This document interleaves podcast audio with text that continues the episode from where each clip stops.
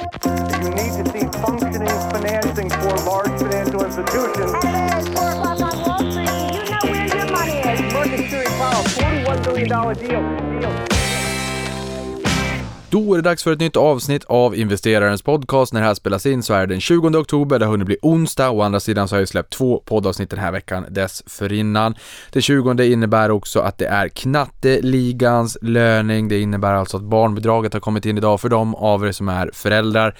Har man två barn eller mer, då får man dessutom flerbarnstillägg. Vilket är lite trevligt. Nu har, jag satt faktiskt och hängde på låset, eh, tjejen har bytt jobb och jag innebär att jag måste stiga upp väldigt tidigt. Jag är ju kvällsmänniska, twittrar mycket på kvällen, mycket börs. Inte lika mycket på morgonen, nu fick jag stiga upp före tusan och fick också hänga på låset innan jag kunde eh, skicka in pengar via Trustly in på depån. Det har jag inte upplevt på väldigt, väldigt länge, men det upplevde jag den här veckan. Någonting annat som jag upplevde den här veckan, eller egentligen förra veckan då, det är att vi fick rejält med fart under galoscherna på börsen. Jag har ju sagt att jag tyckte det var spännande att se förra veckans utveckling i och med att vi hade sex negativa veckor i rad. Eh, för första gången på åtminstone fem år i fjol så var ju nedgången under fem veckor men mycket, mycket kraftigare naturligtvis. Men just det här att Sentimenterna brukar inte hålla i sig hur länge som helst och historien brukar inte återupprepa sig men kanske rimma så att säga. Så det var väldigt intressant att se om vi kunde få sju svåra år eller åtminstone sju svåra veckor. Så blev inte fallet utan det blev en uppgång och det blev en uppgång med besked. OMXS30 steg 3,34% och tittar vi på OMXSGI, Stockholmsbörsens breda index, ink utdelning, så var vi upp 4,41 det vill säga rejält upp. För OMXS30 så var det här tredje bästa veckan i år faktiskt. Ehm, så att nedgångstrenden är, är faktiskt den 6 oktober bruten här sen, jag tror det var 13 augusti ner till, eh, ner till 6 oktober. Där hade vi nedgångsperioden. Det blev inte en korrektion annat än på OMXSPI, Stockholmsbörsens breda index, exklusive utdelning och det var då intradag. Så det var ett lite surare sentiment. Sen har ju många bolag fallit naturligtvis. Eh, men många har också hämtat sig ganska hyggligt eh, den här eh, gången får man väl ändå säga. Nu har vi ju inlett rapportsäsongen dessutom och Eh, temat för den här perioden är ju naturligtvis försörjningskedjor, stigande råvarupriser, stigande priser på insatsvaror, fraktrater, inflation och mycket, mycket mer och huruvida inflationen är temporär eller om den är övergående. Och dessutom har vi en energikris också att tampas med som om det inte vore nog med det andra. Å andra sidan så har vi ju ändå fått tecken på att fraktraterna ändå har börjat leta sig neråt. Eh, vilket är välkommet och det här är ju ett oerhört viktigt kvartal också, inte minst för, inom ehm, konsum konsumentrelaterat och inom ehm, handel. Eh, Q4, Black Friday brukar man ju ofta säga, det är då man vänder röda siffror till svarta siffror. I år kanske vi inte ska förvänta oss en jättemassa, eh, herrans massa Black Monday, Black Monday, Black Friday deals utan eh, man kanske får vara lite snabbare på bollen om det är så att man vill, man vill ha det man vill ha helt enkelt. Eh, antingen till sig själv eller till nära och kära, kanske innan jul eller under julgranen. Men det är ju det här, man kommer att väga vad bolagen säger på, på guldvåg. Jag tycker att det är intressant att vi inte har fått speciellt många vinstvarningar på väg in i rapportsäsongen. Nu befinner vi oss i den, åtminstone i initialt skede i den. Vi har fått tunga bankrapporter från USA. De har skrällat rejält på ovansidan. Många bolag som kommer in med, med riktigt bra rapporter. Vi har även sett banksektorn i Sverige komma in med, med bra rapporter inte minst Avanza. Eh, naturligtvis, jag är jävig. I måndags kom vi med eh, den näst bästa rapporten i bolagets historia efter att den bästa kom eh, i Q1 i år då. Så det, det, går fortsatt bra. Vi tog in 303 900 kunder i fjol. Det var det bästa eh, året någonsin. Eh, och i år har vi redan krossat det efter nio månader. Och här ska vi komma ihåg att i fjol 303 900 kunder, det vi gjorde då på ett år, eller det vi har gjort mer än så på nio månader i år, det motsvarar 10 till 15 gånger så många kunder som vi räknade kallt med att få in under ett enskilt år om vi backar bak till 2013. Och jag tycker faktiskt inte att det är en speciellt lång period, men slut på skrytfaktorn. Vi kan åtminstone enas om att det är spännande med tillväxtbolag som åtnjuter en skalbar affärsmodell, men som också faktiskt eh, påverkas positivt av en nätverkseffekt. Alltså ju fler kunder vi får, desto fler kunder kommer det förmodligen fortsatt generera. En stor del av våra kunder kommer via word of mouth, att man pratar om Avanza och man är nöjd. Eh, och det där, jag menar, eh, kostnaden för den typen av kunder är i princip obefintlig. Eh, vilket är få förunnat. Det är många bolag som väl lägger väldigt mycket pengar på nykundsintag medan vi får väldigt många kunder i och med att vi har nöjda kunder idag som pratar gott om oss. Vi har vunnit Svensk kvalitetsindex eller SKI lika många år som priset har funnits för Sveriges nöjdaste kunder. Det här är någonting vi naturligtvis är oerhört tacksamma och ödmjuka inför och gör allt vi kan för att fortsätta behålla det här priset över tid. Så att jag menar, vi har bara börjat, men slutpratat om Avanza. Det här med eh, rapportsäsongen som jag pratade om, eh, det är väldigt spännande. Man kommer att väga orden på guldvåg som bolagen säger. Jag tror att man kan vara lite förlåtande kring om det är tufft det här kvartalet. Vissa bolag har ju Uppenbarligen så visar man att det går att navigera ändå, men det går ju tills det inte går längre med fraktrater och komponentbrist och allt vad det är. Därför är det ju bra på marginalen att vi nu ser att priserna på eh, åtminstone fraktrater börjar gå ner lite grann. Men tar vi inflation så eh, har den termen används väldigt, väldigt ofta i amerikanska conf calls. Faktiskt mer ofta än någon annan gång de senaste två årtiondena. Eh, antalet omnämnanden var upp 900% year on year här för de eh, konfkollen som redan hålls enligt Bofad och Bank of America. Så det är klart, många pratar om det här. Eh, många påverkas av stigande priser på insatsvaror. De som inte har pricing power kan inte skjuta det här vidare på sina kunder. Eh, vilket innebär att man får absorbera det själv i, så som, eller vilket leder då till eh, lägre marginaler. En del bolag kanske också skyller på det här i och med att det är mainstream att prata om det här nu. Eh, men rimligtvis så bör ju bör inflationen falla tillbaka när världen är mer återstartande än vad det är just nu då. Men vad gäller rapportsäsongen så har vinstestimaten i amerikanska S&P 500 ändå reviderats upp 11% inför rapportfloden. Och det här tycker jag är intressant. Det vill säga man går in i rapportperioden med vetskapen om att det blir tuffare jämförelsetal i Q3 och Q4 än vad det var Q1, Q2. Men ändå reviderar upp det här med 11% och det här är den högsta upprevideringen på åtminstone 20 år enligt Morgan Stanley. Eh, och som om det inte vore nog så förväntar man sig att vinsttillväxten landar på 32% year on year. Eh, baserat på en mix av faktisk data och förväntad data och vad det innebär alltså baserat på en mix av de bolagen som redan har rapporterat och de estimaterna då som ligger i marknaden. Och av 41 bolag som har rapporterat sedan några dagar tillbaka här då så var det 80% av dem som eh, toppade vinstförväntningarna. Eh, och materialiseras det här nu som jag då sa så blir det bästa vinsttillväxten sedan 2010. Så att eh, landar vi på plus 32% year on year så är det alltså den bästa vinsttillväxten på över ett årtionde. Vilket är såklart lite trevligt. Kina är ju en viktig spelare som världens näst största ekonomi. De har nu eh, öppet tonat ner risken för Evergrande. Jag hade ett sånt poddavsnitt här för en tid sedan, Evergrande Horror on Wall Street och nu menar man att det är en isolerad händelse som inte bör riskera att leda till spridningseffekter. Det här lugnar ju nerverna även om eh, jag tror få litar fullt ut på det Kina säger men eh, de har åtminstone kommunicerat att de inte tror att det här kommer att leda till spridningseffekter och eh, det brukar ju oftast bli så som de eh, vill helt enkelt. Det här är ju en fråga som inte heller tar lika mycket syre i, i, liksom, i snacket där ute eh, längre, åtminstone kanske inte på aktiesidan, på räntesidan säkert, men inte på aktiesidan lika mycket. Det är alltså inte en lika våt filt heller. Sen har ju Kina varit ute i strålkastarljuset avseende tillväxten också här senaste veckan och det är ju Kinas BNP som ökade 4,9% under Q3 jämfört med föregående år och det var ju mindre än den väntade tillväxten på 5,2 procent. Så lite mjukare siffror kanske adderade lite grann också till eh, mer avvaktande försiktig hållning till börsen, även om den fortsätter takta på. Och Förutom Kina så IMF eller internationella valutafonden sänkte också nyligen sin globala tillväxtprognos för eh, 2021 till 5,9 procent Eh, vilket var en minskning med 0,1% från sin senaste bedömning i juli. Så det är många som menar på att ah, vi får nog ta ner det lite grann. Det har blivit lite tuffare just nu. Vi måste komma över det här eh, fartguppet som vi befinner oss i.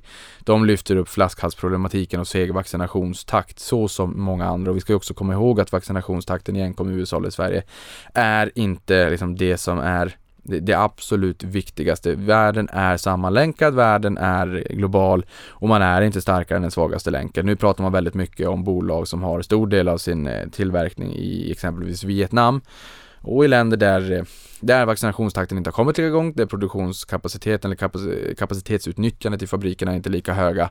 Eh, när de går på lågvarv snarare än högvarv gör ju att man får en problem med varuförsörjningen och inte kan sälja lika mycket som eh, Eh, som är tänkt. Eh, sen har man kostnader, eh, vilket innebär att man eh, absorberar det här och, och eh, levererar betydligt lägre marginaler.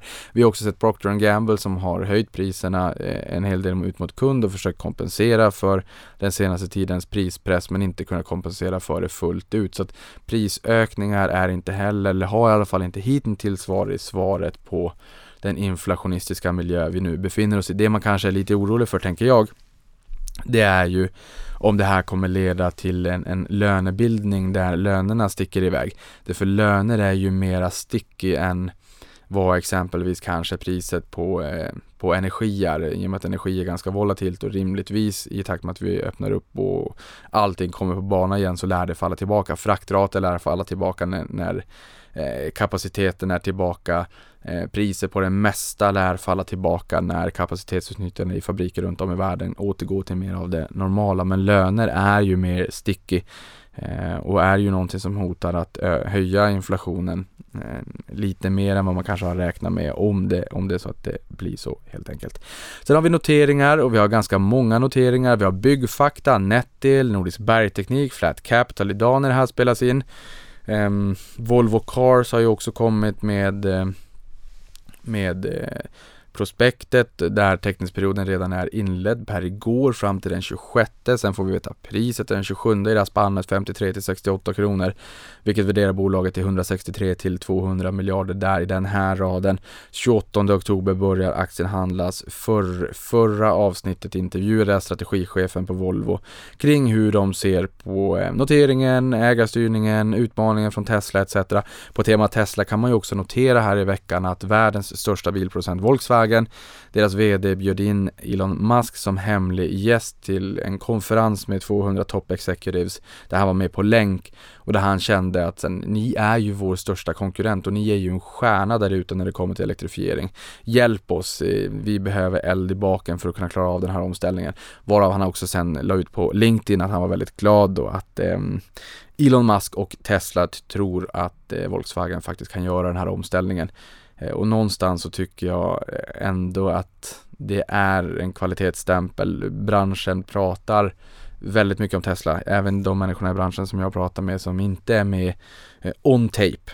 Och många känner sig hotade av dem och känner att ehm, ja, de är en tuff konkurrent helt enkelt. Det blir fortsatt spännande att följa Eh, Tesla. Sen kan man ha eh, åsikter kring värderingen. den är vad den är. Men i, i det här fallet så pratar jag snarast om bolaget än om värderingen på aktien. Byggfakta som kommer till börsen eller har kommit tillhandahåller en plattform för marknadsinformation och säljeffektivisering inom byggindustrin. Netel bygger och underhåller framtidens kommunikations och kraftnät. VD sa att det ska skeppas allt mer data i fibernäten. Kapaciteten i kraftnäten måste förbättras när elektrifieringen fortsätter.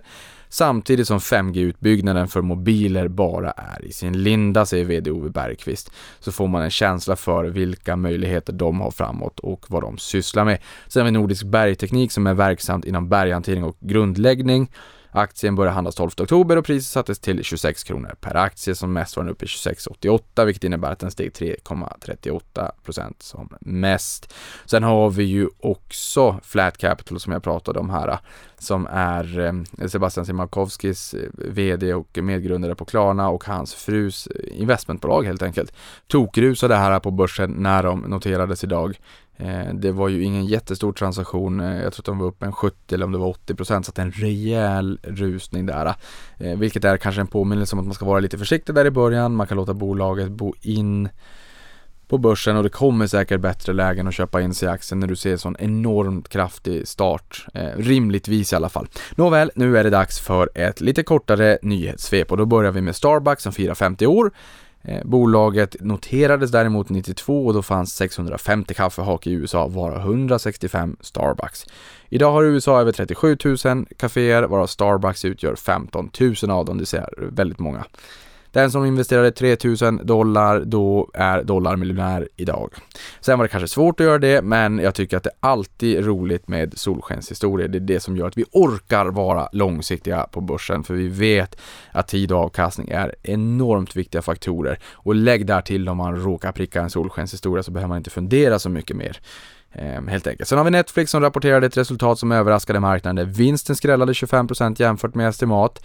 Intäkterna upp 16,3% year on year och vinsten steg 83% men skrällade 25% plus då jämfört med estimaten.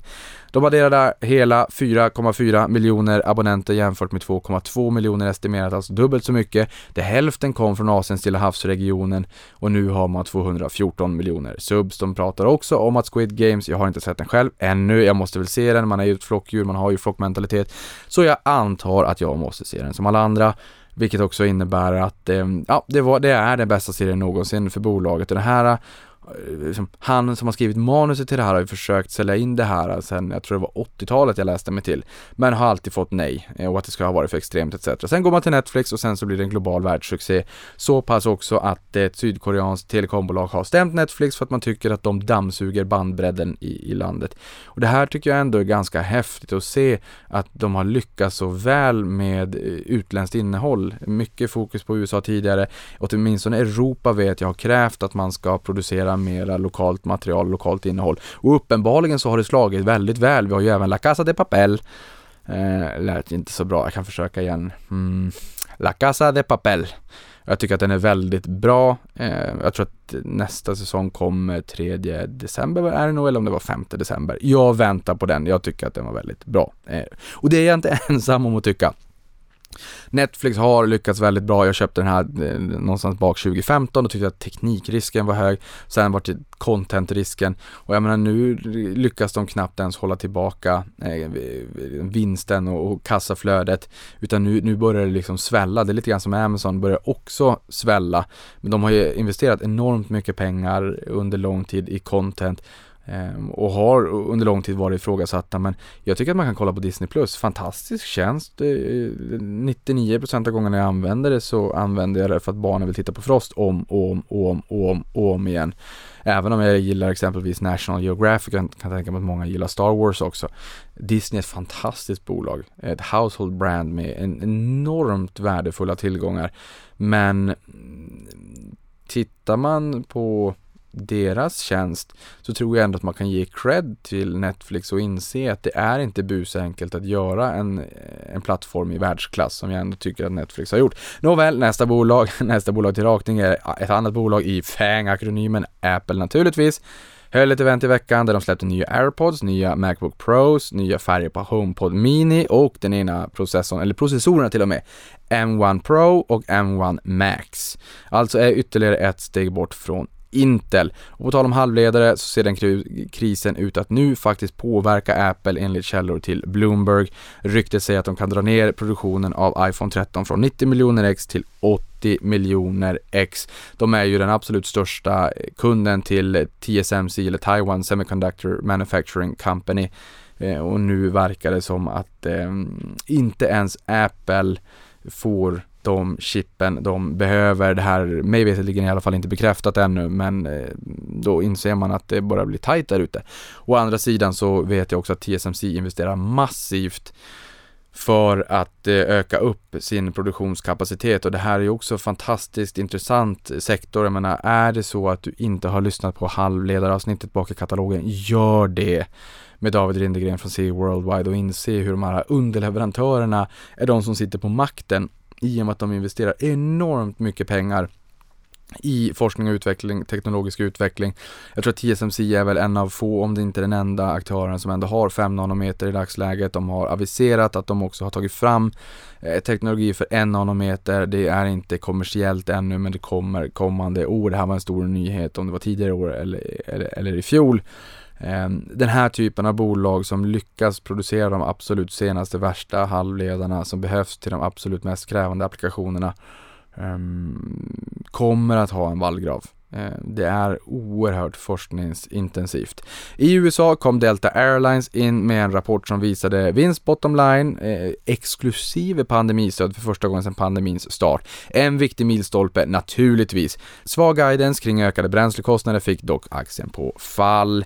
Här nyss när jag pratade om halvledare så står jag nu och funderar på om jag använder applikation i, i rätt kontext eller inte. Nåväl, gjorde jag inte det, ha överseende och jag ber om ursäkt i sånt fall. På temat resor fick vi en omvänd vinstvarning från hotelloperatören Scandic.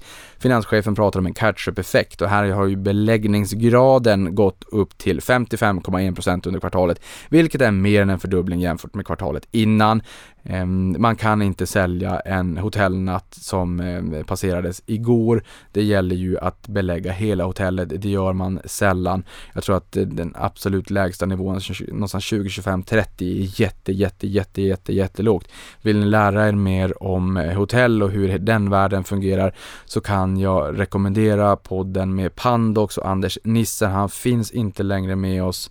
Han gick ur tiden under coronapandemin. Han är den personen i den här podden också som har eh, rekordet när det kommer till längd. Det är två timmar och fem minuter.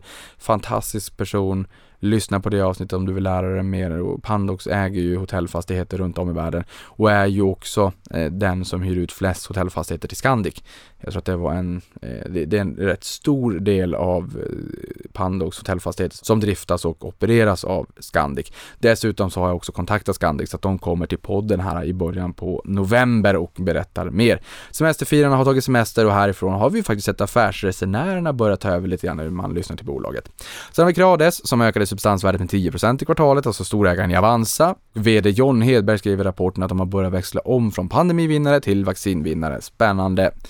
Eh, man tycker att man ska tänka lite grann så från pandemivinnare till vaccinvinnare, vilka är eh, vinnare härifrån och framåt. Och det behöver inte bara betyda att hmm, Zoom var en pandemivinnare, behöver det innebära att de är förlorare eller kan de också vara en vaccinvinnare? Ja, min bild är att de faktiskt också kan vara vaccinvinnare. Man kan inte riktigt göra det så enkelt för sig och säga att tidigare vinnare är morgondagens förlorare.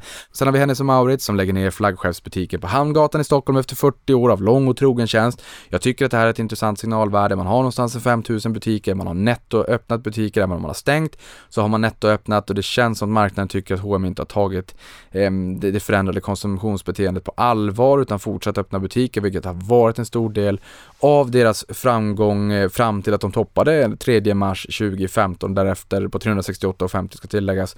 Därefter har det varit väldigt jobbigt. Jag tror att även om det är så att den här butiken inte klarar sig på riktigt egna meriter så hade man ju kunnat ha kvar den, men det känns som spontant att det här är mer av ett signalvärde utöver den eh, liksom butiken i sig enkom på något sätt. Sen har vi fastighetsbolaget Balder med Erik Selin i spetsen som har köpt flera aktier i norska Entra. De äger 33,7% av kapitalröster varpå budpliktsbud kommer att presenteras inom fyra veckor. Sen har vi en person som har blivit allt mer populär den senaste tiden och det är Cathy Wood i, på Ark Invest. Hon säger att hon är mycket optimistisk till marknaden eh, via ett webbinarium här tidigare. Hon menar att risken för den globala ekonomin de kommande åren inte är inflation, utan deflation. Hon spår även att leveranskedjeproblematiken kommer att ebba ut. Det låter rimligt. Sen har vi Sivers Semiconductors som förvärvar Mixcom, ett amerikanskt bolag inom millimetervågsteknik. Sivers Semiconductors och Anders Storm har du lyssnat till många gånger i den här podden. Han kommer dessutom till uppesittarkväll som är på söndag den här gången. Nu på söndag 20.00 för första gången någonsin i Omni Ekonomis regi går även ut via Aftonbladet så kommer vi kunna ha fysiska gäster på plats, missa icke. Bolaget har mindre intäkter, 1,3 miljoner dollar under första halvåret men utsikter om betydande tillväxt här då. De tre största kunderna bedöms kunna generera intäkter på ungefär 70 miljoner dollar eh, för 2022 till 2024 och ytterligare 70 miljoner dollar från Tier 1-kunder under eh, 2025 till 2026. Och för att finansiera det här förvärvet genomfördes en riktad nyemission om 400 miljoner kronor. Där uppgick också då rabatten till 10% Har du frågor, funderingar kring det här? Jag vet att många tycker om, gillar Siv Semiconductors så eh, kom in och titta på uppesittarkväll. Ställ frågorna live i programmet. Programmet är ju live som alltid och dessutom kostnadsfritt. 20 till 22. När Sivers IMA, som det hette tidigare, var med på den första gången så var det värt 800 miljoner. Sen tror jag att det toppade någonstans på 5 miljarder. Sen har vi Kinnevik som har åtagit sig att sälja aktier i det amerikanska vårdbolaget Village MD för minst 340 miljoner dollar till Walgreens Boots Alliance. Efter transaktionen förväntas Kinneviks andel i Village MD uppgå till 4% här. Och det var den sista nyheten för den här veckan. Nu kör vi full fart framåt. Och sen hoppas jag på en positiv stängning den här veckan och sen hörs vi igen nästa vecka. Stort tack för mig och avkastning på dig.